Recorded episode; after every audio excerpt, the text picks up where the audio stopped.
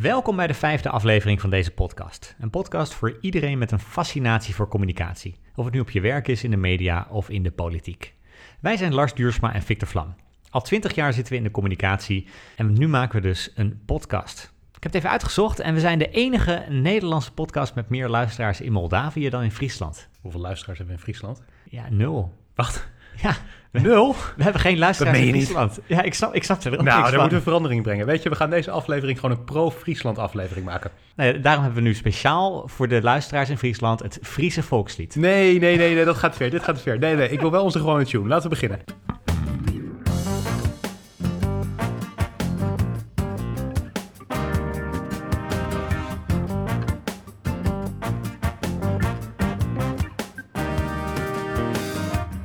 Welkom bij deze aflevering, de vijfde alweer. Aantal dingen die we op het programma hebben staan deze keer. We gaan het eh, in deze show hebben over de Culture Wars, want die hebben ons ook bereikt. De Amerikaanse regering spreekt namelijk niet langer over pregnant women, maar over pregnant people. Nou, dat maakt natuurlijk heel veel mensen ontzettend boos in de Verenigde Staten. Eh, het heeft ook deze zomer de Telegraaf gehaald. Oei. Ehm, ja, we gaan dus analyseren van waarom mensen hier nou boos over worden. Wat zit hier nou achter? We gaan het gewoon echt heel rationeel bekijken. Er zijn echt goede redenen dat mensen hier wel eh, gewoon echt problemen mee hebben. Dus dat gaan we bespreken. We gaan het ook hebben over de communicatieblunder van de week. D66 spindokters die beschuldigden informateur Johan Remkes van het ophebben van te veel drank. Nou ja, de vraag die wij stellen is hoe ver kun je gaan als voorlichter en wat is je rol als journalist in het doorgeven hiervan? En we gaan het hebben over internettrollen. We denken vaak dat ze klootzakken zijn omdat ze lekker anoniem kunnen zijn. Maar uit nieuw onderzoek, Deens onderzoek, blijkt dat ze zowel offline als online klootzakken zijn. We gaan het hebben over waarom dat het geval is. Dus dat allemaal staat eh, op het programma vandaag. Maar eerst, eh, Lars, jij hebt al een eh, week een deuntje in je hoofd. Eerste vraag, Victor. Ben je afgelopen week misschien boos geweest? Ehm, even denken. Eh, dat is al een lastige vraag. In welke zin bedoel je boos? Nou, gewoon dat je ergens eh, goed pissig over bent. ja, maar ik ben altijd ergens goed pissig over. Ben je woedend geweest? Wil je ergens mee gooien?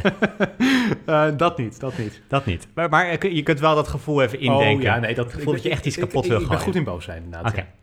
Probeer dat gevoel eens in te beelden en dan wil ik je Uh-huh. nu graag een deuntje laten Gaan we het horen. Friese volkslied luisteren? of- Nee, we gaan niet het Friese volkslied luisteren. Daar komt hij aan hoor. Memory,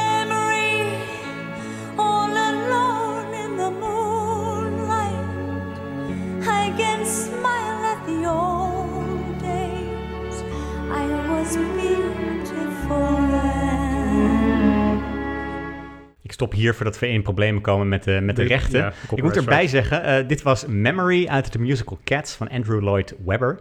Deze uitvoering is gezongen door Elaine Page. Enig idee waarom ik dit deuntje afspeel? Ja, uiteraard weet ik dat. Eh, wat dacht jij? eh? ja, nee, ja, er is een eh, nieuw boek deze week uitgekomen van de oud-perswoordvoerder van Donald Trump, Stephanie Grisham, ook de oud-medewerker van Melania Trump. En een van de onthullingen, er staan best wel veel pittige onthullingen, in, maar een van de onthullingen is dat eh, Trump deze muziek opzet, of eigenlijk zijn adviseurs deze muziek opzetten, om eh, hem weer gerust te stellen als hij inderdaad eh, boos was. Dus als hij, nou, ik, ik las inderdaad dat er een, een, echt een assistent is die geen andere taak had dan achter hem aan te lopen. Dus als hij dan boos dreigde te worden, dan speelde, speelde die assistent dit nummer af. Ik vind het verbazingwekkend dat hij uit, uitgerekend door deze muziek nou weer rustig wordt. Eerlijk gezegd. Ik had niet, niet eens verwacht dat hij een musical-liefhebber zou zijn. Maar ik kan nu niet- dit, dit deuntje niet meer uit mijn hoofd krijgen zonder te denken Nee. aan Trump die boos wordt Ja. en iemand die met een telefoon achter hem aanloopt Ja, en, en, en dan memory op, opzet. ja dat is wel bizar inderdaad, ja. ja. Ja. Wat, wat, wat mij verbaasde, het, het nummer werd ook gespeeld bij de campagne-rallies. Dus daar zijn we ook beide bij geweest. En eh, zijn achterban werd er niet bepaald rustig van. Nee. Nee, die werden behoorlijk opgehitst daar inderdaad, ja. Maar goed, dat is wel kenmerkend inderdaad voor de Trump-rallies. Want daar werd ook Pavarotti gespeeld natuurlijk. En best wel veel eh, verschillende soorten muziek. En die campagne-rallies zijn normaal gesproken verschrikkelijk... omdat je heel veel country-muziek hebt eh, daar. Ja. Die heel patriotistisch is. En Trump was in dat opzicht anders, ja. Ja, hij hield van, van Andrew Lloyd Webber musicals. Ja. Nou moet ik ook wel zeggen, Andrew, Andrew Lloyd Webber is een fantastische componist. Ja. jij kan vast waarschijnlijk drie musicals wel noemen. Nee, ik ben niet zo'n musical-liefhebber, maar ik vind het wel Wacht een even, sorry. Ik ben, ik ben geen musical-liefhebber. wat ben jij Jij elitair? zit mij gewoon te stereotyperen Wat hier. ben jij ik ben elitair? geen musical-liefhebber. Dat is niet elitair. Ik mag toch wel geen musical-liefhebber zijn? Oké, nou laten we gaan naar jouw onderwerpen. Over elitair gesproken inderdaad. Ja, nee, want we gaan eh, het gaan over de culture eh, wars inderdaad. Eh, ik kondigde het net al even aan. Er is een nieuw front in de Amerikaanse eh, cultuuroorlog. Eh, de regering Biden vindt het belangrijk om nou ja, inclusieve communicatie te hebben. En dat betekent dat het woord eh, pregnant women eh, in de ban is gedaan. Dat wordt liever niet meer gebruikt door de regering. Dus je hebt het niet meer over een zwangere vrouw. Nee, je hebt het over verschillende variaties op dat thema. De Amerikaanse GGD die heeft het bijvoorbeeld over pregnant people. Eh, dus eh, eh, dat. Maar de regering Biden heeft het tegenwoordig over birthing persons. Dat is ietsje ingewikkelder om uit te, uit te spreken. Maar dat is dus de term die zij daar gebruiken. De burgerrechtenbeweging, de ACLU, die heeft het consequent tegenwoordig over mensen die een abortus willen. In plaats van wat ze vroeger zeiden, vrouwen die een abortus wilden hebben. Maar dat lijkt haast alsof de mannen het willen ten koste van de vrouw. Misschien Nou ja, als je zegt mensen die abortus willen. Dat, Ja, net precies. Dus, het- maar goed, het is, het is weer om het genderneutraal te maken. Dat is de gedachte die ja, maar dit geeft een hele andere bijklank, toch? ja, ja. Mensen die een abortus willen, dat, dat zijn dus ook de mensen die niet zwanger zijn die dan een abortus willen. Ja, nou ja, het heeft in ieder geval de, bedoeling om het neutraal te maken. De Academy of Breastfeeding eh, Medicine, die heeft het tegenwoordig over niet meer breastfeeding, maar chestfeeding. Het onderscheid maken we niet echt in Nederland, maar dat is dus een wat neutralere manier om dat te beschrijven. En deze zomer was er een heus eh, schandaal. Een biologieprofessor op Harvard, die weigerde de term pregnant people te gebruiken. En vervolgens werd ze daar op de vingers doorgetikt door de eh, diversiteitscommissie van die universiteit. Eh, ze werd beschuldigd van het eh, bestendigen van discriminatie van trans- en niet-cis mensen. Dat is een groot onderwerp op Fox News. Het heeft ook de Telegraaf gehaald. Dus dit was echt Ja. een ding wat er daar speelde. Transfobie werd daar Ja. aangevreven. Hè? Exact. En transhaat. Alsof je, als je een bepaald woord niet overneemt, dan, dan heb je een hekel aan, aan trans mensen. Ja, dat werd er inderdaad eh, direct eh, bij gezegd. En om even uit te leggen, want sommige mensen zullen zich misschien afvragen van wat is hier nou de gedachte achter? Nou, jij zegt het inderdaad ook al. Eh, er zijn mensen die zich niet identificeren als vrouw, maar die wel zo geboren zijn en die kunnen ook zwanger worden. Dus je moet bijvoorbeeld denken aan iemand die transgender inderdaad is. Hij identificeert zich als man, maar hij heeft de geslachtskenmerken van een vrouw en dus kan hij wel zwanger worden. Dus daar moet je niet pregnant women zeggen, maar pregnant people. Een ander voorbeeld, dat is misschien nog een iets waarschijnlijker voorbeeld, dat is iemand die bijvoorbeeld identificeert als non-binair en dan toch zwanger wordt. Eh, dus dat zijn dan eh, mensen die eh, in deze taal door pregnant people te zeggen, dat, dat die, die, die worden erbij betrokken als het Ja. ware. En de reden dat we het hierover hebben is dat heel vaak dit soort discussies ook overwaaien naar Nederland, denk ik. Hè? Dus dit, dit speelt niet alleen in Amerika, of misschien nu vooral in Amerika, maar Ja. Het ligt in de lijn der verwachtingen Het kan. dat dat ook elders gaat Het gaat in. Amerika natuurlijk een stukje verder vaak. En ik denk wel dat ze in Amerika echt wel een heel stuk verder gaan. Maar die cultuuroorlog die merken we in Nederland zeker ook. Er is nog even één klein stukje uitleg wat ik erbij moet doen om de achtergrond hier goed van weer te geven. Want we hebben het over eh, eh, niet-cis mensen dus uiteindelijk. Ben jij een cisgender persoon, Lars? Weet je wat dat betekent? Ik kan me voorstellen dat je het niet weet hoor. Ja, leg- leg- het ja, ik vroeg jij net naar musicals, maar jij, jij, jij stelt hier vast echt de lastige... Maar, Ja. maar dan niet, ben jij niet... Ja, ja, vertel het maar. Dan, eh, ja. Jij, bent, nou, jij bent een cis-man, tenminste voor zover ik dat weet. En dat betekent dat eh, jij iemand bent die geboren is in het juiste lichaam. Cis is het tegenovergestelde van trans. Dus een transpersoon is geboren in het verkeerde lichaam. Dus als je niet cis bent, dan ben je ofwel trans, ofwel je bent non-binair.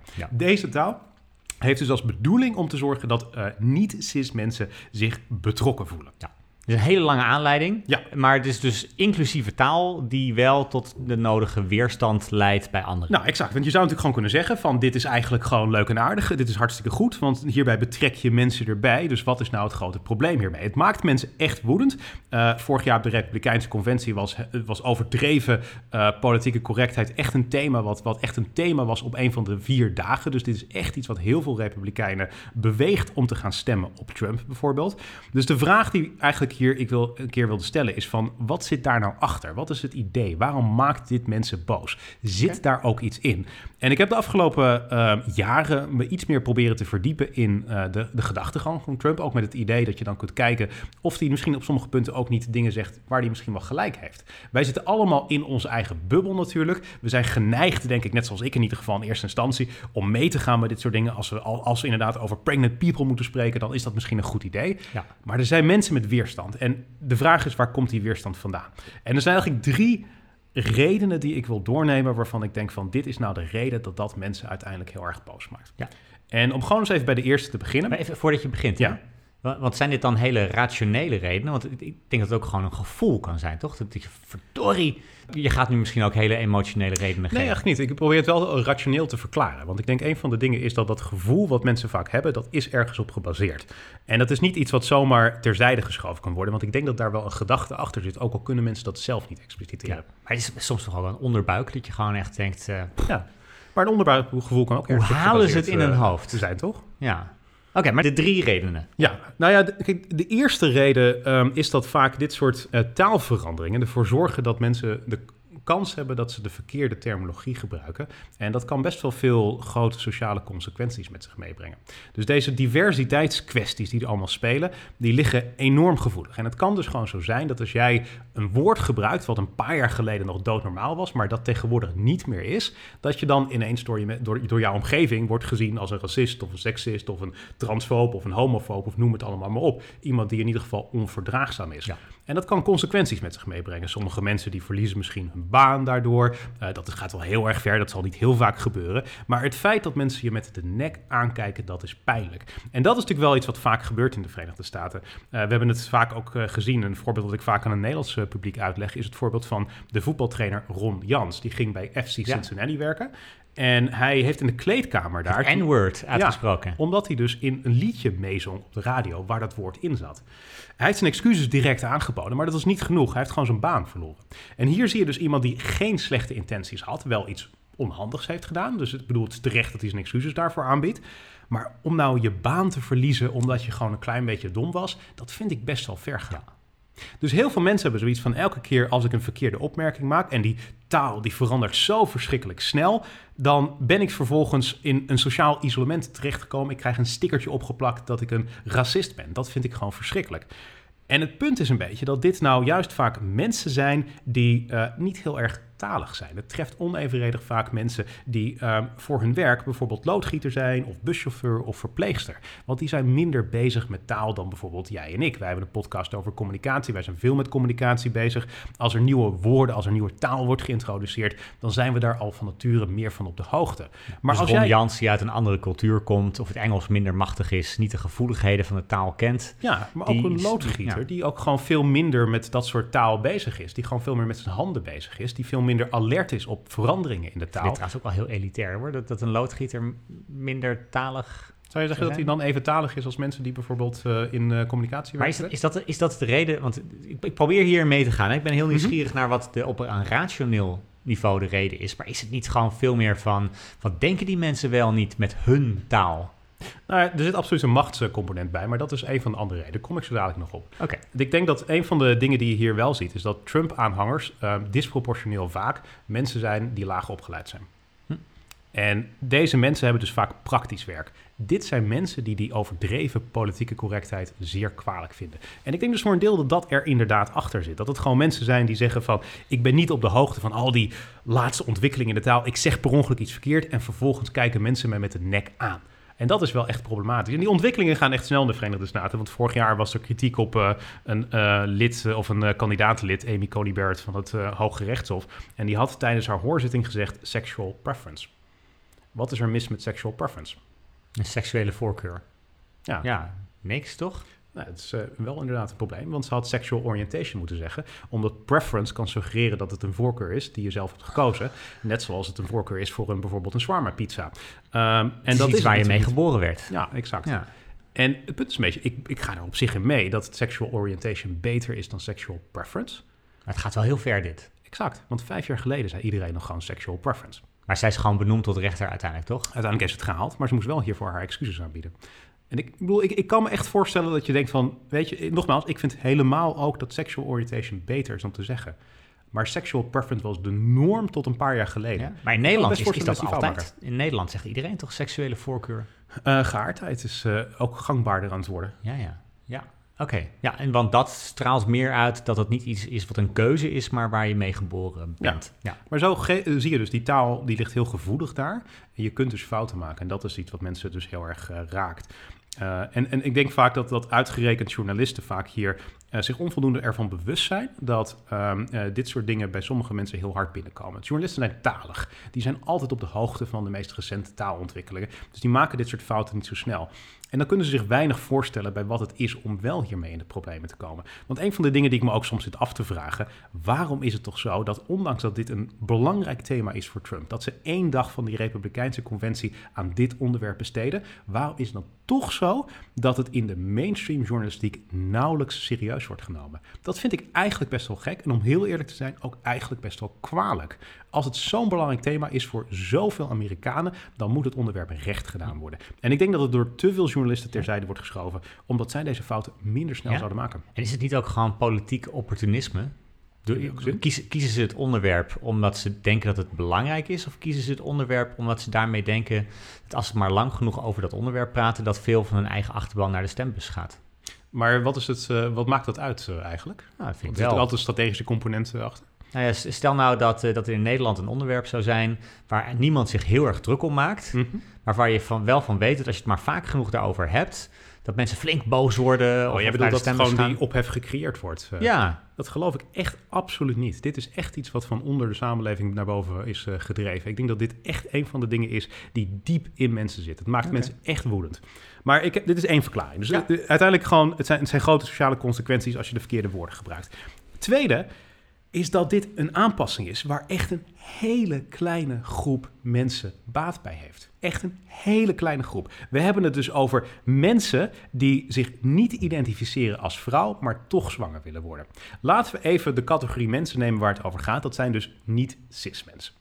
Ik heb gewoon eens een keer geprobeerd op te zoeken hoeveel mensen zijn dat nou in de samenleving. Als je naar het percentage kijkt, hoeveel zijn dat er? Nou ja, dat is dus echt moeilijk om vast te stellen, want het is een definitiekwestie. Het is ook een kwestie van een spectrum. Dus eh, ja, iedereen zit een beetje ergens op dat spectrum. En afhankelijk van hoe je de vraag stelt, krijg je eh, meer of minder mensen die daarop eh, ja zeggen. Maar het komt erop neer, in het veel geciteerd aantal is dat ongeveer 0,3% van de bevolking in Amerika, volgens onderzoek van een universiteit in Californië, niet cis is. 0,3%. In Nederland zie ik wat dingen die, wat, zeg maar, die, die ietsje hoger zijn. Dan moet je het hebben over een half procent. Wat mij betreft kiezen we gewoon even voor het gemak een half procent. Daar gaat het om. Een half procent van de Minder, bevolking ja. is niet cis. Dat is ongelooflijk weinig als je de hele taal op het vlak van eh, eh, geboorte en abortus en zwangerschap gaat aanpassen aan die 0,5 procent. Is dat, is dat echt een sterk argument? Je, je ziet bij verkiezingen zie je ook dat er bijvoorbeeld in Nederland ging er een hele discussie over een boerkaverbod. Terwijl er in heel Nederland geloof ik 30 mensen met een boerka Mhm, Zijn? Ja. en toch groot issue tijdens de verkiezingen. We moeten een boerkaverbod hebben. Eh fair enough. Je zou bijvoorbeeld kunnen zeggen inderdaad van... het is inderdaad niet zo'n groot issue als je alleen over deze verandering praat. Ja. Want deze aanpassing kan nog wel. Maar dan zou mijn volgende vraag zijn van 0,5% van de mensen in Nederland... en ook wereldwijd trouwens, is aseksueel. Als wij over seks praten, als de overheid over seks praat... dan moeten we misschien ook dat duidelijker maken... dat het alleen interessant is voor mensen die op seks gericht zijn. En niet op die 0,5% van de mensen die dat niet is. Dus ook daar zou je de taal op kunnen aanpassen. Ja. Dit is een tweede voorbeeld. Je kunt er zo nog tien andere voorbeelden bij pakken... van allerlei ja, kenmerken die niet verschrikkelijk vaak voorkomen... maar die wel voorkomen. Die Ja. ook wel een kwestie zijn van nature... zoals we dat nu zien in, volgens de wetenschap is. Dus daar zou je ook wel rekening kunnen houden. Het punt is, het gaat allemaal om hele kleine groepen... die een afwijking zijn van de norm. En wat we volgens mij veel meer moeten beseffen... is dat het ja, niet gek is dat het een afwijking van de norm is. Er is nou eenmaal een norm en die norm is heteroseksualiteit. Het is het feit dat mensen over het algemeen eh, cisgender zijn. En eh, verder zou je nog kunnen zeggen dat mensen alloseksueel zijn, dus niet aseksueel, want dat is daar het tegenovergestelde Ja. van. Dat is het over, over, over. Ik vind dit een hele lastig hoor, want het, het gaat vaak, eh, sowieso als het, als het gaat om iets wat voor een kleine groep zo belangrijk is, dan moet het misschien ook anders wegen dan iets wat voor een grote groep eigenlijk niet de directe impact heeft. In Nederland had je die discussie over de NS die op een gegeven moment geachte reizigers zei, of beste reizigers in plaats van dames en heren. Er zijn ook mensen die daar aanstoot aan hebben genomen, terwijl ik denk, come on, Waar maak je druk om? Als, het, als er een groep mensen is, ook al is die groep heel klein, die zich daardoor meer welkom voelt in de trein, wat maakt het dan uit dat de NS het heeft over geachte reizigers? Eh, fair enough, maar ik zou zeggen van je bent niet klaar met één of twee aanpassingen. Het gaat maar door en het einde is zoek. En de vraag is wanneer ben je klaar met je taal aanpassen en hoeveel vergt dat van de mensen die communiceren? Ja. En is het echt redelijk om straks mensen met de nek aan te kijken die per ongeluk zeggen pregnant women in plaats van pregnant Nee, people. dat is denk ik ook onredelijk. Ik denk dat, dat een eh, organisatie, ehm, bijvoorbeeld eh, als, de, als de NS nadenkt over welke taal de meeste mensen aanspreekt, of eh, dat, dat een, gemeente zegt beste Amsterdammers in brieven bijvoorbeeld, in plaats van eh, beste heer slash mevrouw. Ik denk, dat moet je gewoon doen. Dat zou- eigenlijk een no-brainer moeten zijn. Niemand heeft daar last van. Het is ook niet dat je mensen aankijkt als ze dan beste heer of mevrouw zeggen, maar als een, een instelling of een overheidsorgaan zegt van we willen zoveel mogelijk mensen aanspreken, dan vind ik het goed eigenlijk dat ze daarover nadenken van hoe kunnen we dat doen. Waar het voor mijn gevoel misgaat is als we inderdaad mensen afrekenen omdat ze toevallig het verkeerde woord hebben gebruikt. Ik vind ook het probleem dat beste reizigers vind ik niet heel erg problematisch, omdat je dat het eigenlijk best logisch is dat de NS je aanspreekt als reiziger. Ik vind het woord pregnant people eigenlijk een hele gekke manier om te praten over vrouwen die zwanger zijn. Ja. En dan zou je kunnen zeggen van misschien is het op enig moment ingeburgerd. Nou, dat zal misschien wel kunnen als je het eindeloos herhaalt. Maar het is natuurlijk ook wel gewoon iets, het is iets minder duidelijk. Een taal is, heeft de bedoeling om de boodschap over te brengen. Dit brengt die boodschap voor heel veel mensen minder duidelijk over. Dus ik begrijp dat wel. En nogmaals, ik bedoel, het is niet over als je alleen niet cisgender mensen eh, erbij gaat betrekken. Eh aseksualiteit is een spectrum. Je hebt tal van andere spectra waar je dan ook rekening mee moet houden. En ik denk eerlijk gezegd dat ehm, als je echt naar tolerantie wil gaan, dan moet je er niet alleen in de taal rekening mee houden. Ik denk eigenlijk dat heel veel van die groepen dat zelf niet eens het allerbelangrijkste vinden. De activisten wel, maar heel veel van de mensen die dat zijn, die vinden dat vaak helemaal niet als belangrijkste. Want die vinden gewoon echt acceptatie belangrijk. En dat betekent dat ze als gewoon volwaardige mensen worden behandeld. Dat is waar het veel mensen Ja. echt om gaat. Goed, nou, dat is in ieder geval de Dat tweede. twee, ja. Eh, de derde, dat is de machtscomponent. Daar refereerde je al een klein beetje aan, maar dat is wel belangrijk om ook hier te bespreken. Want er is een groep die de taal bepaalt en die feitelijk anderen dwingt om dit soort dingen te volgen. En de groep die het bepaalt, dat zijn eh, doorgaans mensen die hoog opgeleid zijn, die in een eh, grote stad wonen, die een beetje tot de elite, om het maar even heel breed te formuleren, eh, behoort. Ja. En de rest wordt verwacht om vervolgens te volgen. Nou zou je natuurlijk kunnen zeggen van er is altijd een groep voorlopers en er is altijd een groep mensen die meeloopt. Dat is nou eenmaal hoe het is. En dat is ook zo. Maar het probleem is wel dat die eh, elite die hier de taal bepaalt, ook keuzes maakt over welke vormen van diversiteit belangrijk zijn en welke vormen van diversiteit minder belangrijk zijn. En dat is waar het soms wat oneerlijk wordt. Ja. De elite geeft ontzettend veel over diversiteit als het gaat om geslacht, als het gaat om seksualiteit en als het gaat om etniciteit. Dat zijn de drie dingen die in het maatschappelijk debat centraal staan. Maar als het gaat om diversiteit op opleidingsniveau of intelligentie, dan zie je dat daar wij- vrij weinig over wordt gegeven. Sterker nog, ik denk dat we allemaal wel voorbeelden hebben van mensen die enorm eh, eh, de- zeg maar op de antiracisme kaart spreken. Die zeggen van ik ben tegen racisme. En die vervolgens afgeven niet? op de Ja. mensen die eh, in de provincie wonen. En dat daar allerlei racisten wonen die gewoon te dom zijn om dit soort dingen goed te begrijpen. En dan denk ik van iemand die pleit voor meer inclusie, die kan niet aan de ene kant de rest van Nederland, eh, zeg maar die, die 60% van Nederland die, die niet in de, de, de Randstad woont, weg te zetten al als mensen die totale gekkies zijn. Doen mensen, overigens mensen die spreken over de provincie komen eigenlijk bijna per definitie uit de Randstad. Ik, ik ken niemand buiten de Randstad die zegt, waar woon jij? Nou ja, ik woon in de provincie. Nee, maar mijn punt hier is wel van, dit is wel echt een van de problemen. Dat er Ja. neer wordt gekeken op mensen Nee, maar die voel ik ook wel. die laag opgeleid zijn. Nou, en niet, niet alleen dat, want ik, ik denk dat die, die weerstand breder wordt gevoeld. Elke keer als die mensen van het groene boekje een nieuwe taal ehm, eh, voorschrijven, waar, waar ze dan ineens zeggen van je mag niet langer appel schrijven, maar je moet appel schrijven. Daar heb je zelfs onder journalisten dat op een gegeven moment de witte spelling is gemaakt van mensen die zich verzetten tegen Ja. eh, die groep mensen die met onlogische keuzes komt om jou voor te schrijven welke woorden jij moet gaan gebruiken. Ja.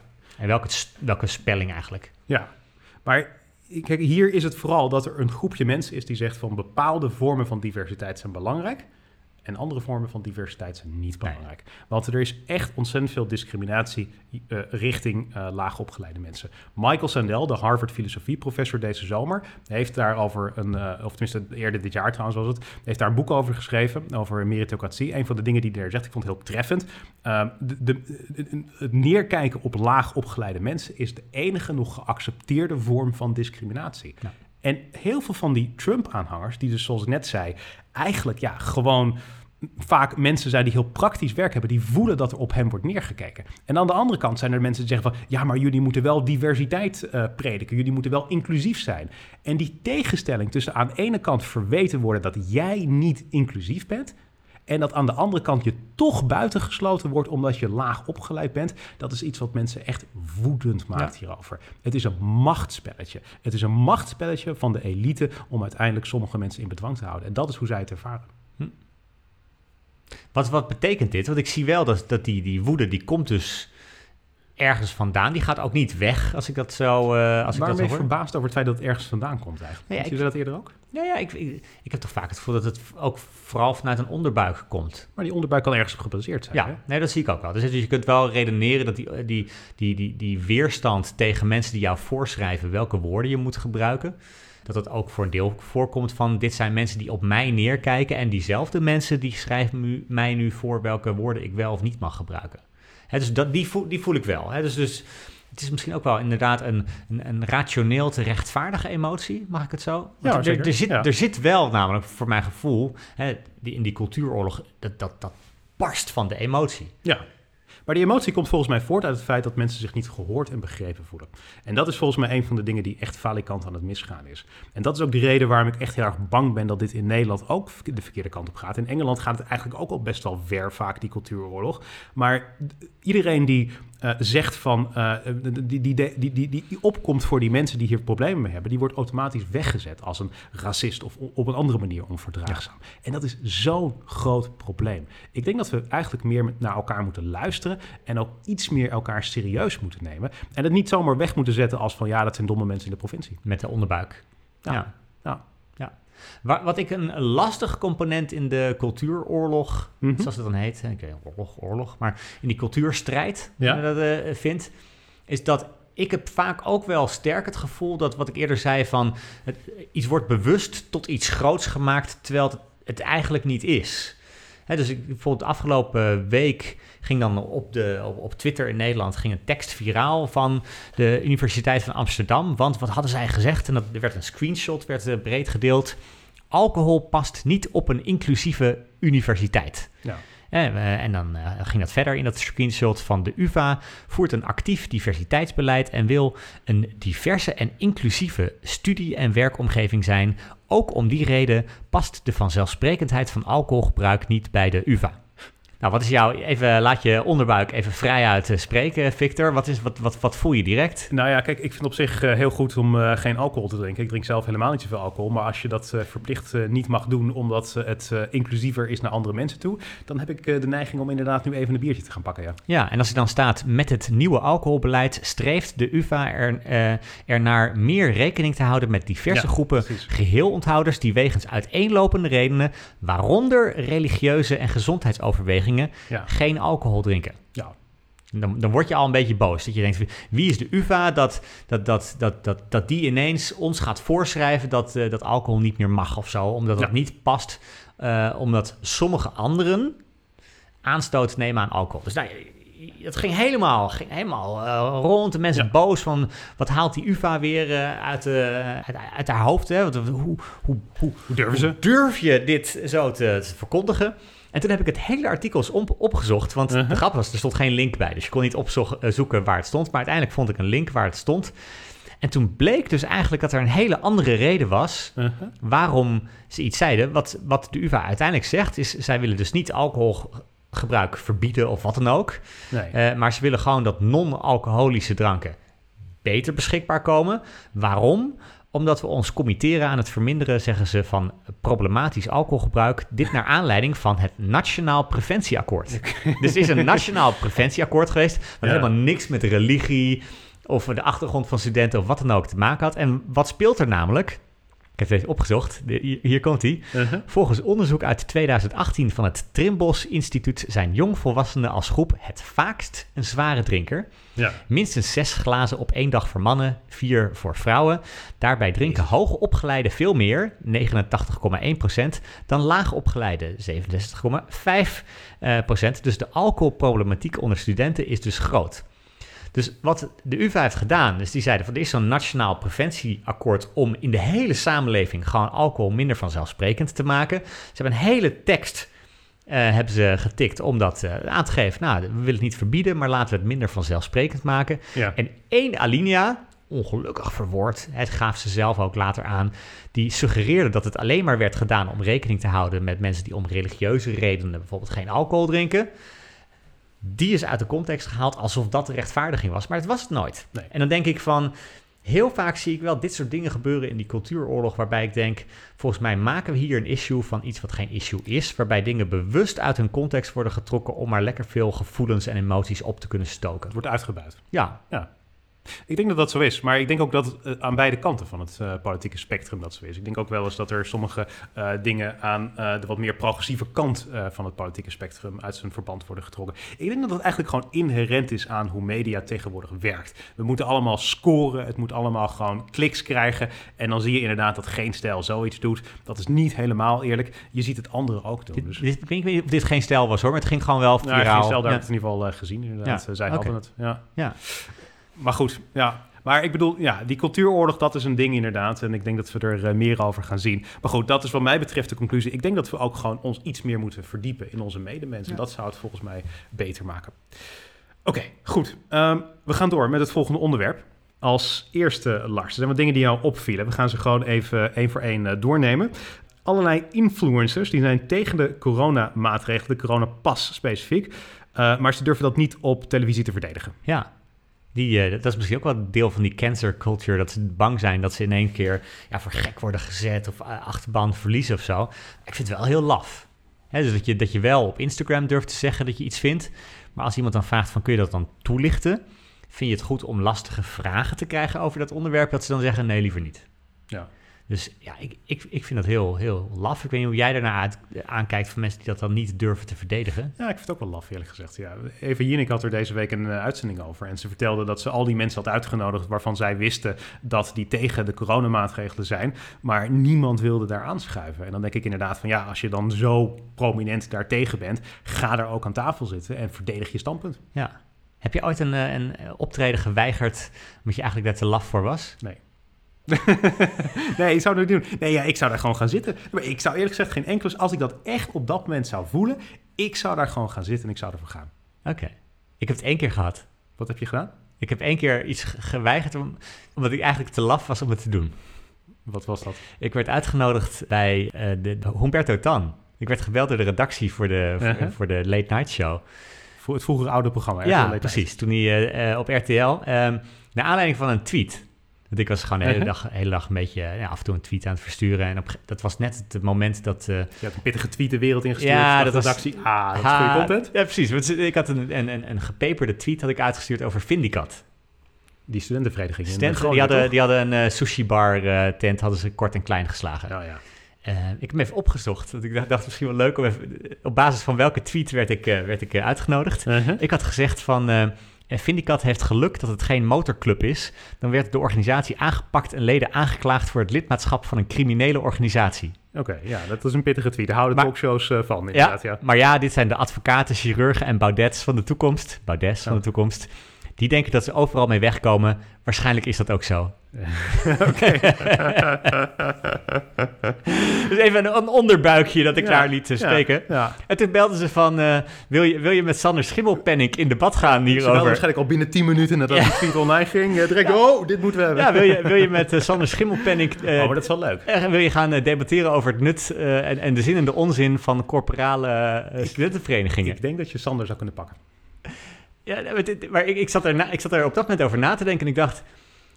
Weet ik hier genoeg van? Hmm. Heb ik er iets bij te winnen? Hmm. En, en, en, en wat ik mezelf nog het meeste aanreken achteraf... is dat ik op dat moment dacht... eh, is dit commercieel verstandig Oei. Om dit te doen? Oei. Oh, Ja, dat dit- vind vind een zwakte bot. Ja, dat vind ik. Achteraf denk ik ook. Maar ik dacht echt van ja, eh, om nou, om nou eh, op, zeg maar heel prominent allemaal eh, corporale mensen te gaan bashen als het, als, het, als, het, als het kwaad der aarde, is dat wel handig. En in, in, in, in de afweging met heb ik er iets bij te winnen, heb ik het uiteindelijk niet gedaan. En toen ik erover terugdacht, toen ik ja, zat te reflecteren van is, hoe zou ik er nu tegen aankijken? Ik dacht wel, dat was wel heel laf. Ja. Ik denk Echt- echt eigenlijk- heel ja, laf. Ik denk eigenlijk dat je commercieel gezien er ook wel bij had kunnen eh, ver- aan verdienen zelfs hoor. Want het, het geeft je wel extra publiciteit, zeker als het controversieel is. Ja. En daar, ik denk eerlijk gezegd dat jij gewoon dusdanig nog, ja, laten we zeggen, onbekend bent, dat je daar baat mee hebt als er een rel is om jou. Ja. Maar ik had, ja, ik, weet- soms heb ik ook het gevoel dat niet alles wat, wat eh, genoeg is voor een tweet, genoeg is om er 10 minuten over te praten op televisie. Oké, jij denkt echt niet als een traditionele talkshowgast. Sander Schimmelwenning denkt al aan een halve tweet dat hij meer dan genoeg heeft. Oké, maar dat, is, dat, dat, dat, eh, dat, dat viel mij op in de, in de, in de, in de media. Ja, Er was een ander, eh, ander moment dat mij heel erg opviel. Dan je moet ik- stuurde het door, want dat ging over die, eh, die man van de FNV, toch? Ja, dit is, dit is eh, eh, een, een man die werd bij oh, die, van de FNV, die werd uitgenodigd bij de BBC 4, Radio 4, de, de radiozender. De chique BBC. De chique BBC, de deftige BBC, Zeker. Hij werd uitgenodigd om te vertellen of de... Heel leuk weet je tussendoor. Tot het jaar 2000 droegen ze eh, voor het nieuws daar nog een smoking. Het is echt bizar. Zo ouderwets was de BBC, zo chic is het daar. Ga Waarom weet jij je dit? Waarom Ja, weet jij dit? gewoon willekeurig kennis. Je maar, maar bij de radio niet, toch? Ja, bij de radio. Ja, want je, dat, ja, je ziet ze dus niet, maar toch droegen ze een smoking. Dat was echt gewoon de radio? Ja, op de radio. Tot wanneer? Eh, tot ergens in de, begin 2000, ja. ja. Oké, Ja. nou ja, eh, interessant. Maar de, die werd uitgenodigd met de vraag van... d- denken jullie dat, dat Vrachtwagenchauffeurs naar Groot-Brittannië willen komen... om ons te komen helpen? Want nou ja, eh, ja de situatie, die, dat, dat is... Ja, het, Ja. Gaat, het gaat een beetje shit daar. eh. Gaat niet goed. Nou, laten we even het fragment eh, luisteren, want dit is echt zo typisch Nederlands. So more is needed, and and I think uh, the the the, the EU workers we speak to will not go to the UK for a short-term visa to help uh, UK out of the shit they created themselves. Thank you. Not ideal language, but we, we, we get the message. Edwin Atema from the FNV Union. Thank you very much. Ja. Edwin Atema. Ja. ik lag echt helemaal dood. Ja. dubbel, dubbel toen ik eh, dit Ja. fragment hoorde. Dacht, dit is zo typisch Dat Nederlands. is wel typisch Nederlands, ja. Nederlanders hebben te veel de neiging om inderdaad dit soort woorden te gebruiken, terwijl het in het buitenland echt heel ongebruikelijk is. Ja, ja. En eigenlijk is het natuurlijk hetzelfde als die cultuuroorlog, misschien net iets anders. De BBC die hem voorschrijft dat, dat hij bepaalde woorden niet mag gebruiken. Maar shit, dat, dat moet je niet zeggen bij de, bij de BBC. dat eh, hè. niet Dus dat, eh, nee. but, Niet eh, ook niet in Amerika trouwens. eh, Ja. Het is echt een not on. but we like to be blunt Yes, we in do. the, in the Netherlands eh, when we, eh, when we eh, speak a little bit eh, English. Ja, Verder was jij blij met de rechtspraak deze week, zag ik. Ja, ik was één. eh, ik, ik, ik, ik, ik zat. eh, ja, ik- misschien als ik dit zo vertel, dan lijkt het alsof ik de hele dag op Twitter zit. Maar Eh, Wacht even, is dat niet zo dan? Nee, dat is echt niet zo. Dat is echt niet zo. Maar ik zag op Twitter dat iemand had, had iets misleidends getwitterd over rechtspraak. Alsof, alsof iemand heel makkelijk was weggekomen met een dodelijk ongeval. En het duurde exact 11 minuten. En de rechtspraak zette er direct een factcheck onder die tweet. Oh, dat is goed. Met een link naar de uitspraak en een uitleg waarom ehm, wat iemand over die uitspraak had gezegd niet klopte. Ja, ja. Ik dacht, dat, dat, dat vind ik wel goed. Dat is wel goed, ja. Heel indrukwekkend. En het was Ja. ook niet iemand met duizenden volgers of zo. Het was niet iemand die rechtspraak NL had getagd. Dus dat zat überhaupt nauwelijks woorden in dat ik dacht van... Hoe zien jullie deze tweet? Hoe is deze tweet op jullie radar gekomen? Ja, Ehm, maar direct een reactie. En ik was daar eigenlijk wel eh, ja, enthousiast over. Dat zou meer moeten gebeuren. het is, eh, ja, het is wel tijdrovend, eh, kan ik me voorstellen. Als Ja. je een webcare team hebt dat dat allemaal moet gaan doorpluizen wat er op Twitter staat. Ja, maar er wordt heel vaak natuurlijk wordt er afgegeven op al die communicatiemensen die we bij de overheid hebben en bij de overheidsinstanties. Ik denk, nou, als meer dit zouden doen, gewoon, er is, wordt iets gezegd, even hier, dat klopt niet, hier is een linkje waar je de feiten kunt vinden. Ik zou er eigenlijk best enthousiast van worden. Ja, En, en toen waren de mensen aan het klagen van, ja, maar die vrouw, toen ze erop werd gewezen, was haar eerste reactie, ja, maar dat klopt helemaal niet. Eh, Oké. En dat, dus zij, zij was totaal niet overtuigd. Hè? Dus, dus dan kun je zeggen, had het überhaupt zin, die, eh, die, die fact-check? Ik denk van wel. Want er zijn heel veel mensen die meelezen. Mensen zoals ik, die ineens die tweet zagen verschijnen. En toch dachten van, nou, ik ben wel overtuigd. Ja. Dus eh hup, rechtspraak, goed getwitterd. Ja, nou, dat is hartstikke mooi. Ja, interessant om die ontwikkeling ook te zien. Eh, dat eh, inderdaad er gewoon echt heel proactief op Twitter eh, op dit soort desinformatie eigenlijk wordt gereageerd. Hartstikke mooi. Oké, nou dat waren even de grabbelton aan korte dingetjes die jou opvielen. We gaan het ook nog over een wat groter thema hebben. Dat is de communicatieblunder van deze week natuurlijk. Hè. Het is niemand ontgaan waarschijnlijk, maar er zou drank in de man zijn. Dat was het verwijt wat D66 maakte aan informateur Johan Remkes. Ja, De vraag is, hoe heeft dit kunnen gebeuren? Hoe ver kan je gaan als eh, eh, spindokter? En eh, wat is je verantwoordelijkheid als journalist? Hoe heb Ja. jij ernaar gekeken? Nou, ik vond het. eh, ehm, eh, er stond een interessante reconstructie in de NRC Handelsblad van eh, Philip de Wit Wijnen. Mhm. En daar kwam eigenlijk het volgende naar buiten. Ehm, de vraag is om te beginnen: wie heeft dit gezegd? En, en nou, antwoord: Sjoerd Sjoerdsma, oud campagneleider van eh, D66, Huidig Tweede Kamerlid. huidig Tweede Kamerlid. En twee voorlichters. Dus het is niet een slip of the tongue. Onafhankelijk van elkaar hebben twee voorlichters en Sjoerdsma dit naar eh, buiten gebracht. Het is maandag verteld aan meerdere media. Dus het is niet zomaar één journalist toevertrouwd. Het is niet alleen aan de NOS gezegd. Aan meerdere mensen is dat, eh, is dat gedaan. En op een gegeven moment heeft eh, de NOS, Xander van der Wulp, die heeft, die heeft nou ja, eh, naar buiten gebracht dat dit inderdaad werd gezegd over, eh, over eh, Johan Remkes. Maar daar werd wel- op eh, nos.nl. Ja, dat, maar er werd wel heel nadrukkelijk bij gezegd dat dat kwam uit de hoek van D66.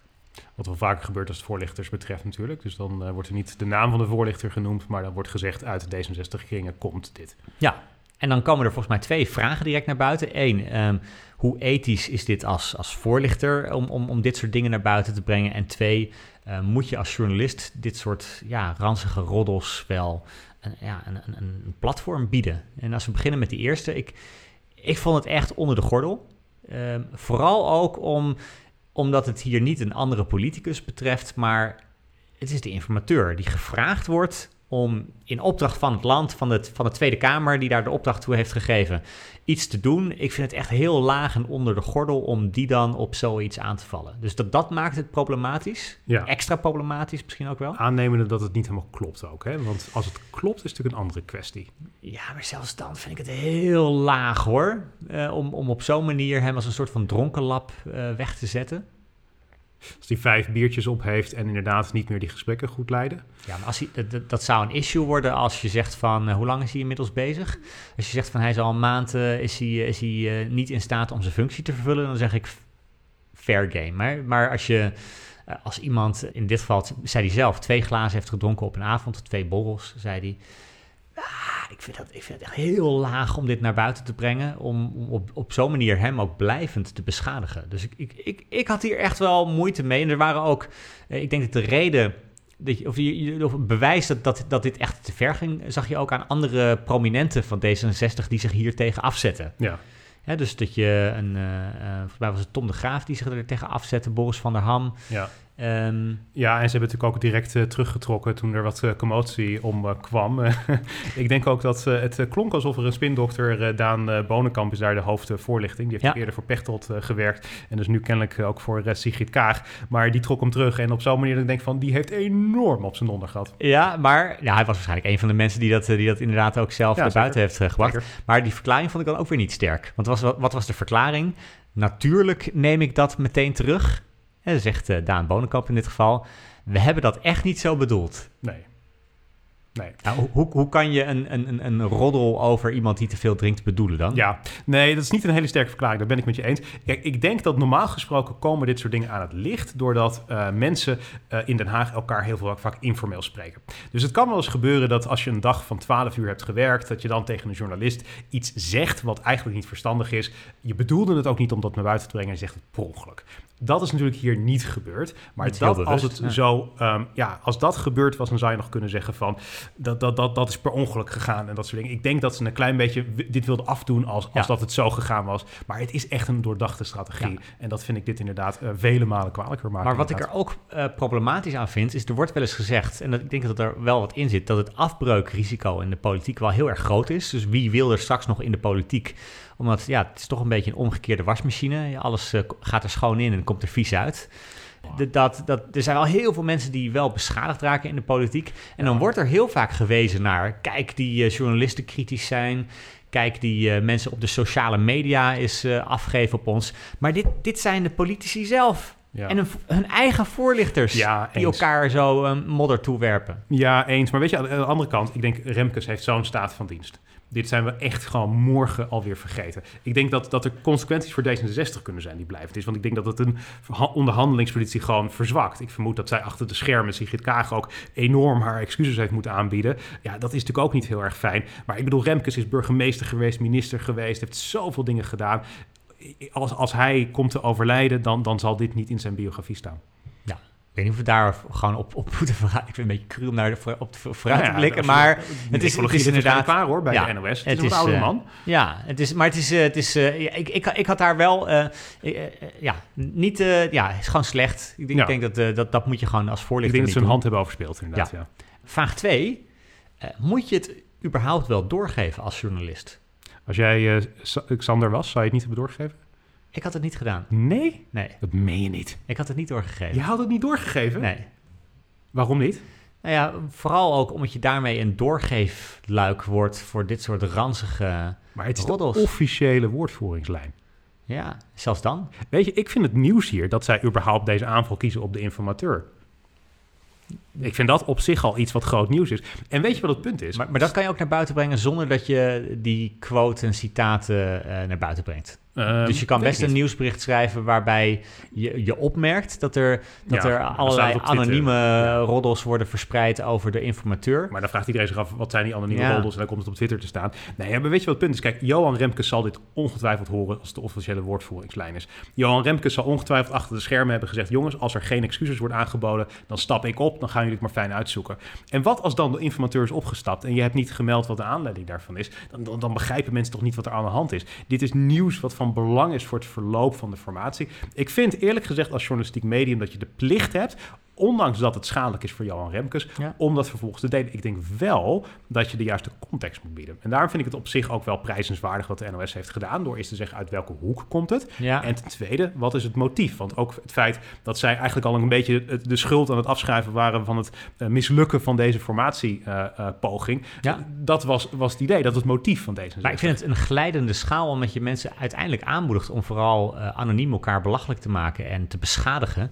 Eh want waarom zou je het nog on the record doen als het toch wel wordt doorgegeven? En wat dat laat zien, hoe die, hoe die schaal dan denk ik glijdt, is dat eh, eer- eerder zagen we dit jaar dat eh, Pieter Omtzigt ziek thuis zat. Ja. En dat ineens door eh CDA'ers werd gezegd, hij is totaal de weg kwijt, moet geholpen worden.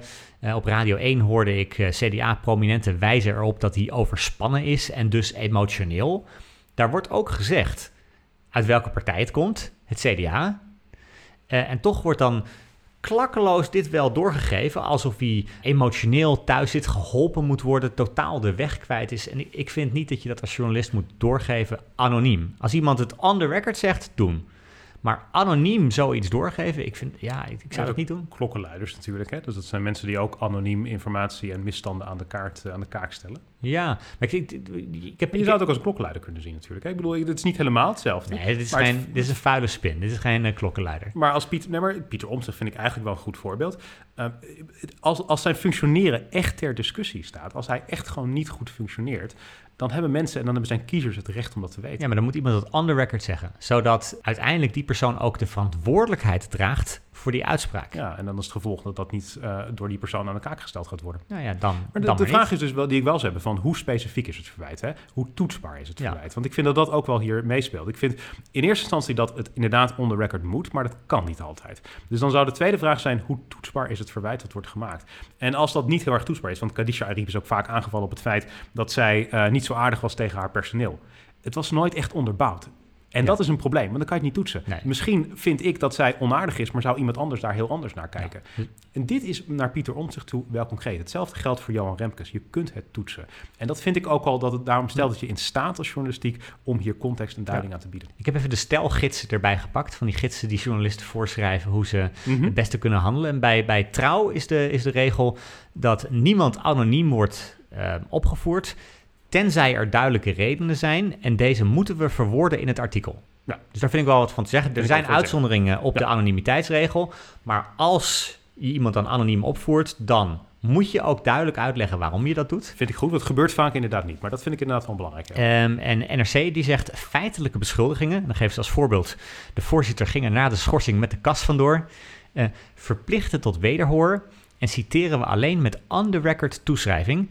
Ehm, even later in het eh, stelboek staat: anonieme citaten zijn geen vrijbrief voor laster of smaad, beledigingen of niet onderbouwde beschuldigingen. ja. Maar vooral dat eerste, hè, dus ehm, feitelijke beschuldigingen, dat is, dat is dit natuurlijk wel. Ja. Zou NRC bijvoorbeeld alleen eh, naar buiten brengen met wederhoor? Nou, dat is wel door Xander van der Wulp gedaan. eh, maar ook met on the record toeschrijving, anders wordt het niet geciteerd. Dus in dit geval zou dan de naam van ofwel Sjoerd Sjoerdsma of een van die voorlichters erbij moeten Ja. komen. Ja, en dat, ik, ik heb dat even gecheckt bij Guus Valk van, eh, van NRC Handelsblad. Die, die inderdaad aangaf van de, ehm, dit is wat de stijlgids zegt van NRC Handelsblad. Hm. En hij zegt ook, zoals het nu naar buiten gebracht is, zou niet in lijn zijn met wat er in de stijlgids van NRC staat. Dus met andere woorden, NRC zou dit zo niet naar buiten gebracht hebben.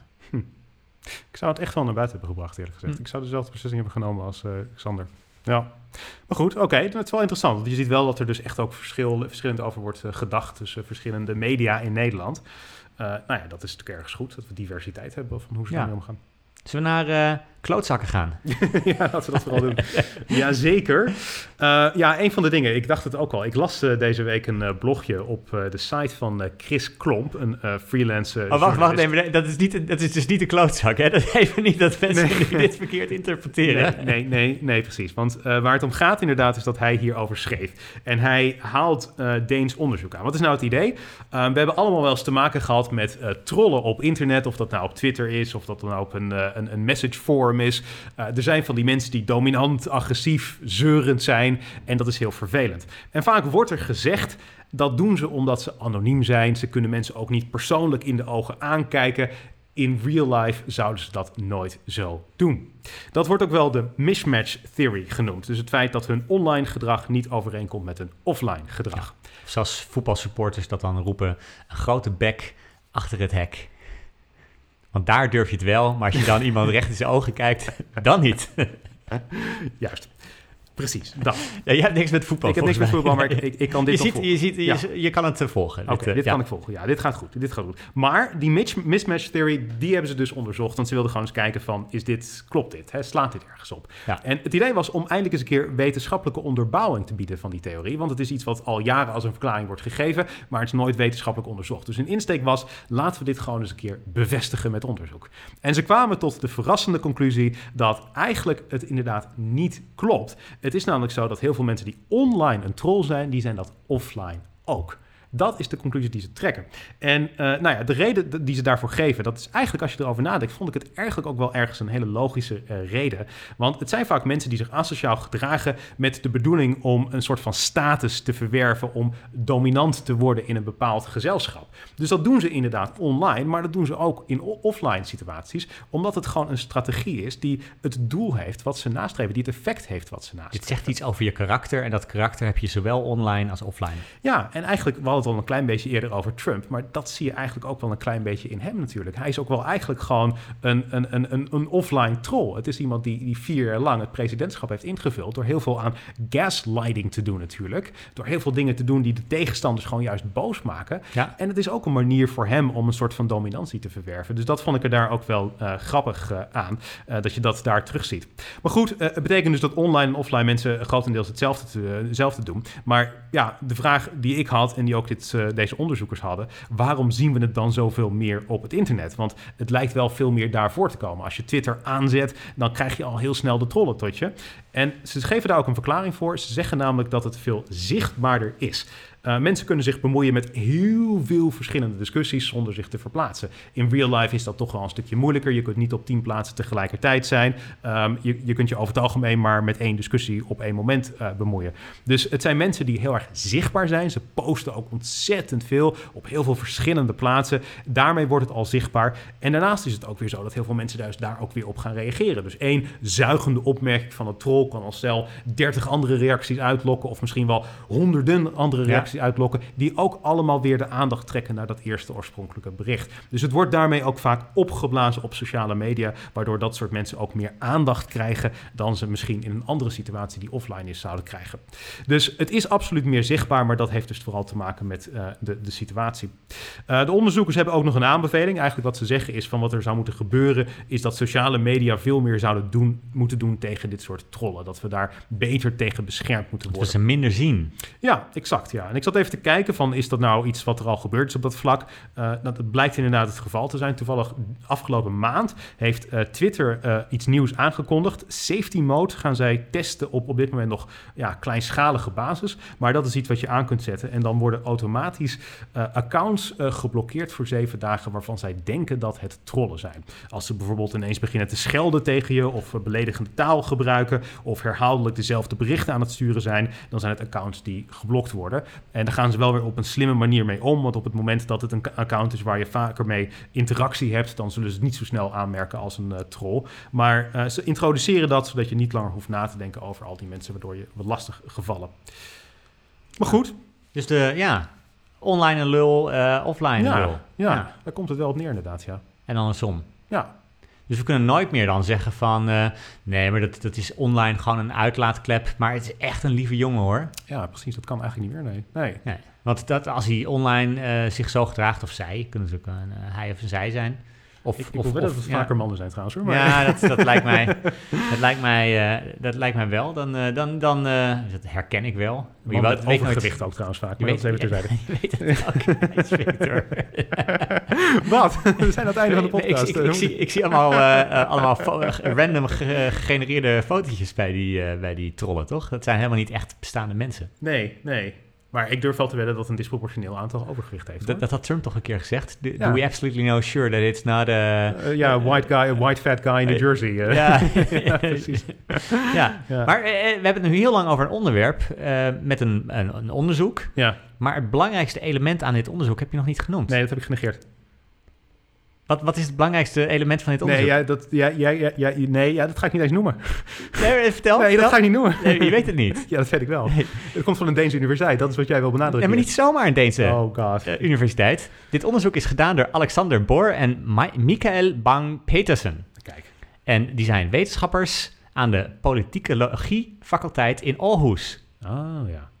Sterker nog, Victor, dit zijn exact de tweezelfde Nee. wetenschappers die we in aflevering 2 ook al hebben aangehaald. Echt waar? En toen zat je mij belachelijk te maken dat ik zei van en de politicologie faculteit van ik- Dat ik is, dat, is, dat is niet zomaar een faculteit, dat is echt een hoog aangeschreven faculteit. En jij zat mij belachelijk te maken daar, toen ik dat eh, zei. Ik zei, dat is niet belachelijk te maken. Jij, jij blaasde het enorm op. Jij Ja. deed alsof dat een soort van Harvard was van de universiteit. En- en- ik vond dat wat ver gaan. En drie weken later zit je hen zelf te citeren. Nou ja, zonder dat je doorhebt dat het dus echt de tweezelfde wetenschappers zijn. Ik had het van de site van eh, Chris Klomp inderdaad. Ja, nou ja, goed, het Ja. Is, eh, eh, goed werk in ieder geval. Ik ben blij dat ze goed bezig zijn in Denemarken. We zullen het artikel van Chris, die er nog op sommige dingen wat verder ingaat, even in de show notes zetten. Dan Ja. is dat ook weer voor iedereen toegankelijk. Eén ding, één ding vind ik nog ja, wel nee, leuk ga je gang, bij. tuurlijk. Er is ook ander onderzoek gedaan naar trollen online. Ja. Uh-huh. En één ding vond ik wel fascinerend. Dat is dus niet on- dit onderzoek, maar dat is in 2017 is dat al eh, onderzocht. Het blijkt dat de trollen over het al- algemeen veel cognitieve empathie hebben Mhm. en weinig affectieve empathie. En wat is dan het verschil? Eh, even kort samengevat. De mensen die dit doen, die hebben wel degelijk empathie, want ze begrijpen donders goed hoe ze het bloed onder jouw nagels vandaan kunnen halen. Mhm. Dat is de cognitieve empathie. Dus het is heel bedacht. Ze Ja. weten het, Ze weten het, ze snappen ook hoe ze jou het meest kunnen raken. En dat is ook een vorm van eh, empathie. maar ze voelen het niet. Maar ze voelen zich er niet schuldig over. Nee, nee, precies. Want dat is dus weer de affectieve precies. empathie. Het zijn een beetje psychopaten dus eigenlijk. Dat is, nee, want die voelt dat helemaal niet, denk ik. Hè? Want dit, dit is wel echt... eh, ze hebben dus heel goed door... Mhm. ja, Het is misschien pas niet dat je gewoon weet dat je iemand gewoon uit de tent kan lokken, maar dat je Ja, er dat geen... je er geen schuld... Nou, misschien Nee. ook wel. Ja, zijn er, ja dat, dat gaat misschien alweer ver. Maar ik dacht, het is interessant. Dat, dat Ja. zegt wat meer over die trollen. Dit zijn mensen die, die precies weten hoe ze jou kunnen raken... en zich daar vervolgens niet schuldig over voelen. Ja, ja. Nou ja, goed. Interessant in ieder geval. Goed, dan weten we dat in ieder geval eh, ook weer. We zijn er eh, bijna doorheen, maar we hebben nog even één huishoudelijke mededeling. Vorige keer hadden we het een aantal keer over het feit dat het eh, elitaire onderwerpen waren. En toen zei ik van, oké, we hebben het over Europa... Daar haken tien luisteraars af. We hebben het over Chopin, daar haken weer twintig luisteraars af. En toen zei ik van, we gaan eens even kijken of dat echt het geval is. Jij verweet mij op enig moment ook dat mensen afhaken omdat ik aan het zeggen was. Dit is mijn tromgeroffel, eh, Victor. Ja, nou, nou weet ik dat, dat, dat ik vaak gelijk heb en jij niet, maar we gaan nu het antwoord horen. nou, je hoort misschien al een beetje aan mijn stem, want je had geen gelijk inderdaad. Nee. nee, het goede nieuws is dat de vorige aflevering de aflevering is die de langste luistertijd kent van alle vier. Het zijn natuurlijk nog maar vier eerdere afleveringen, dus dat zegt allemaal nog niet verschrikkelijk veel. Maar uh, meer van de helft uh, van de luisteraars, uh, meer dan de helft van de luisteraars heeft hem in zijn geheel beluisterd. En dat is op zich voor podcastbegrippen best aardig. Dus mensen haken niet af op het moment dat we een elitair onderwerp bespreken. Dat is goed nieuws. Of dat jij zegt van nu of dat ik zeg, heel nu haken er luisteraars af. af. Ja, exact. Oké, okay. Dus daar, nou ja, goed, dan weten we dat ook weer. dank. Ja, Mooi. Goed dat jullie blijven hangen. Dat Ja. is, eh, gewoon, wij, wij hebben gewoon de beste luisteraars van alle podcasts. Dat is uh, enorm slijmen. Maar het is wel zo. Je moet het subtieler doen, hè? Je moet het subtieler doen. Oké. Goed, laten we nog iets positiefs zeggen over Friesland. Dan maken we het even mooi rond. Wat vind jij het mooiste aan Friesland? Ik vind Leeuwarden echt een De- mooie stad. Ja, en de, de, de taal, de historie. De Eh, Elfstedentocht ja. is toch een van de mooiste Nederlandse tradities die Ja. we hebben. Alleen maar lieve mensen en, eh, Ja. in, in Friesland. Eh, veel, Pure mensen inderdaad. Ja. Gewoon mensen die echt gewoon echt, echte Nederlanders zijn. Dit, dit, zijn, dit zijn echt de mensen die je gewoon... Het liefst zou je gewoon een Fries naast je hebben wonen. Ja. Hè, dat je, als je, als je kijk eens goed naar degene die nou, nou jouw buurman is... en vraag je dan af, zou jouw leven beter zijn als dat een Fries was geweest? Ja, waarschijnlijk wel. En ik, ik denk Ja, het wel. ik denk het ook, ja. Ja, goed. We love eh, Friesland. Eh, we hopen dat we daar ook een luisteraar eh, kunnen trekken. We hopen ook dat andere mensen zich abonneren op deze podcast als ze het leuk vonden. En dat je een recensie achterlaat op Apple Podcasts, want dat helpt ons enorm. Voor tijd om af te ronden. Ja. En dan? Heb je nog slotwoorden? Nee, ik heb eigenlijk helemaal geen slotwoorden. Nee, we zijn nu echt de laatste luisteraars kwijtgeraakt, Victor. Oh god. Goed, Tot volgende volgende keer!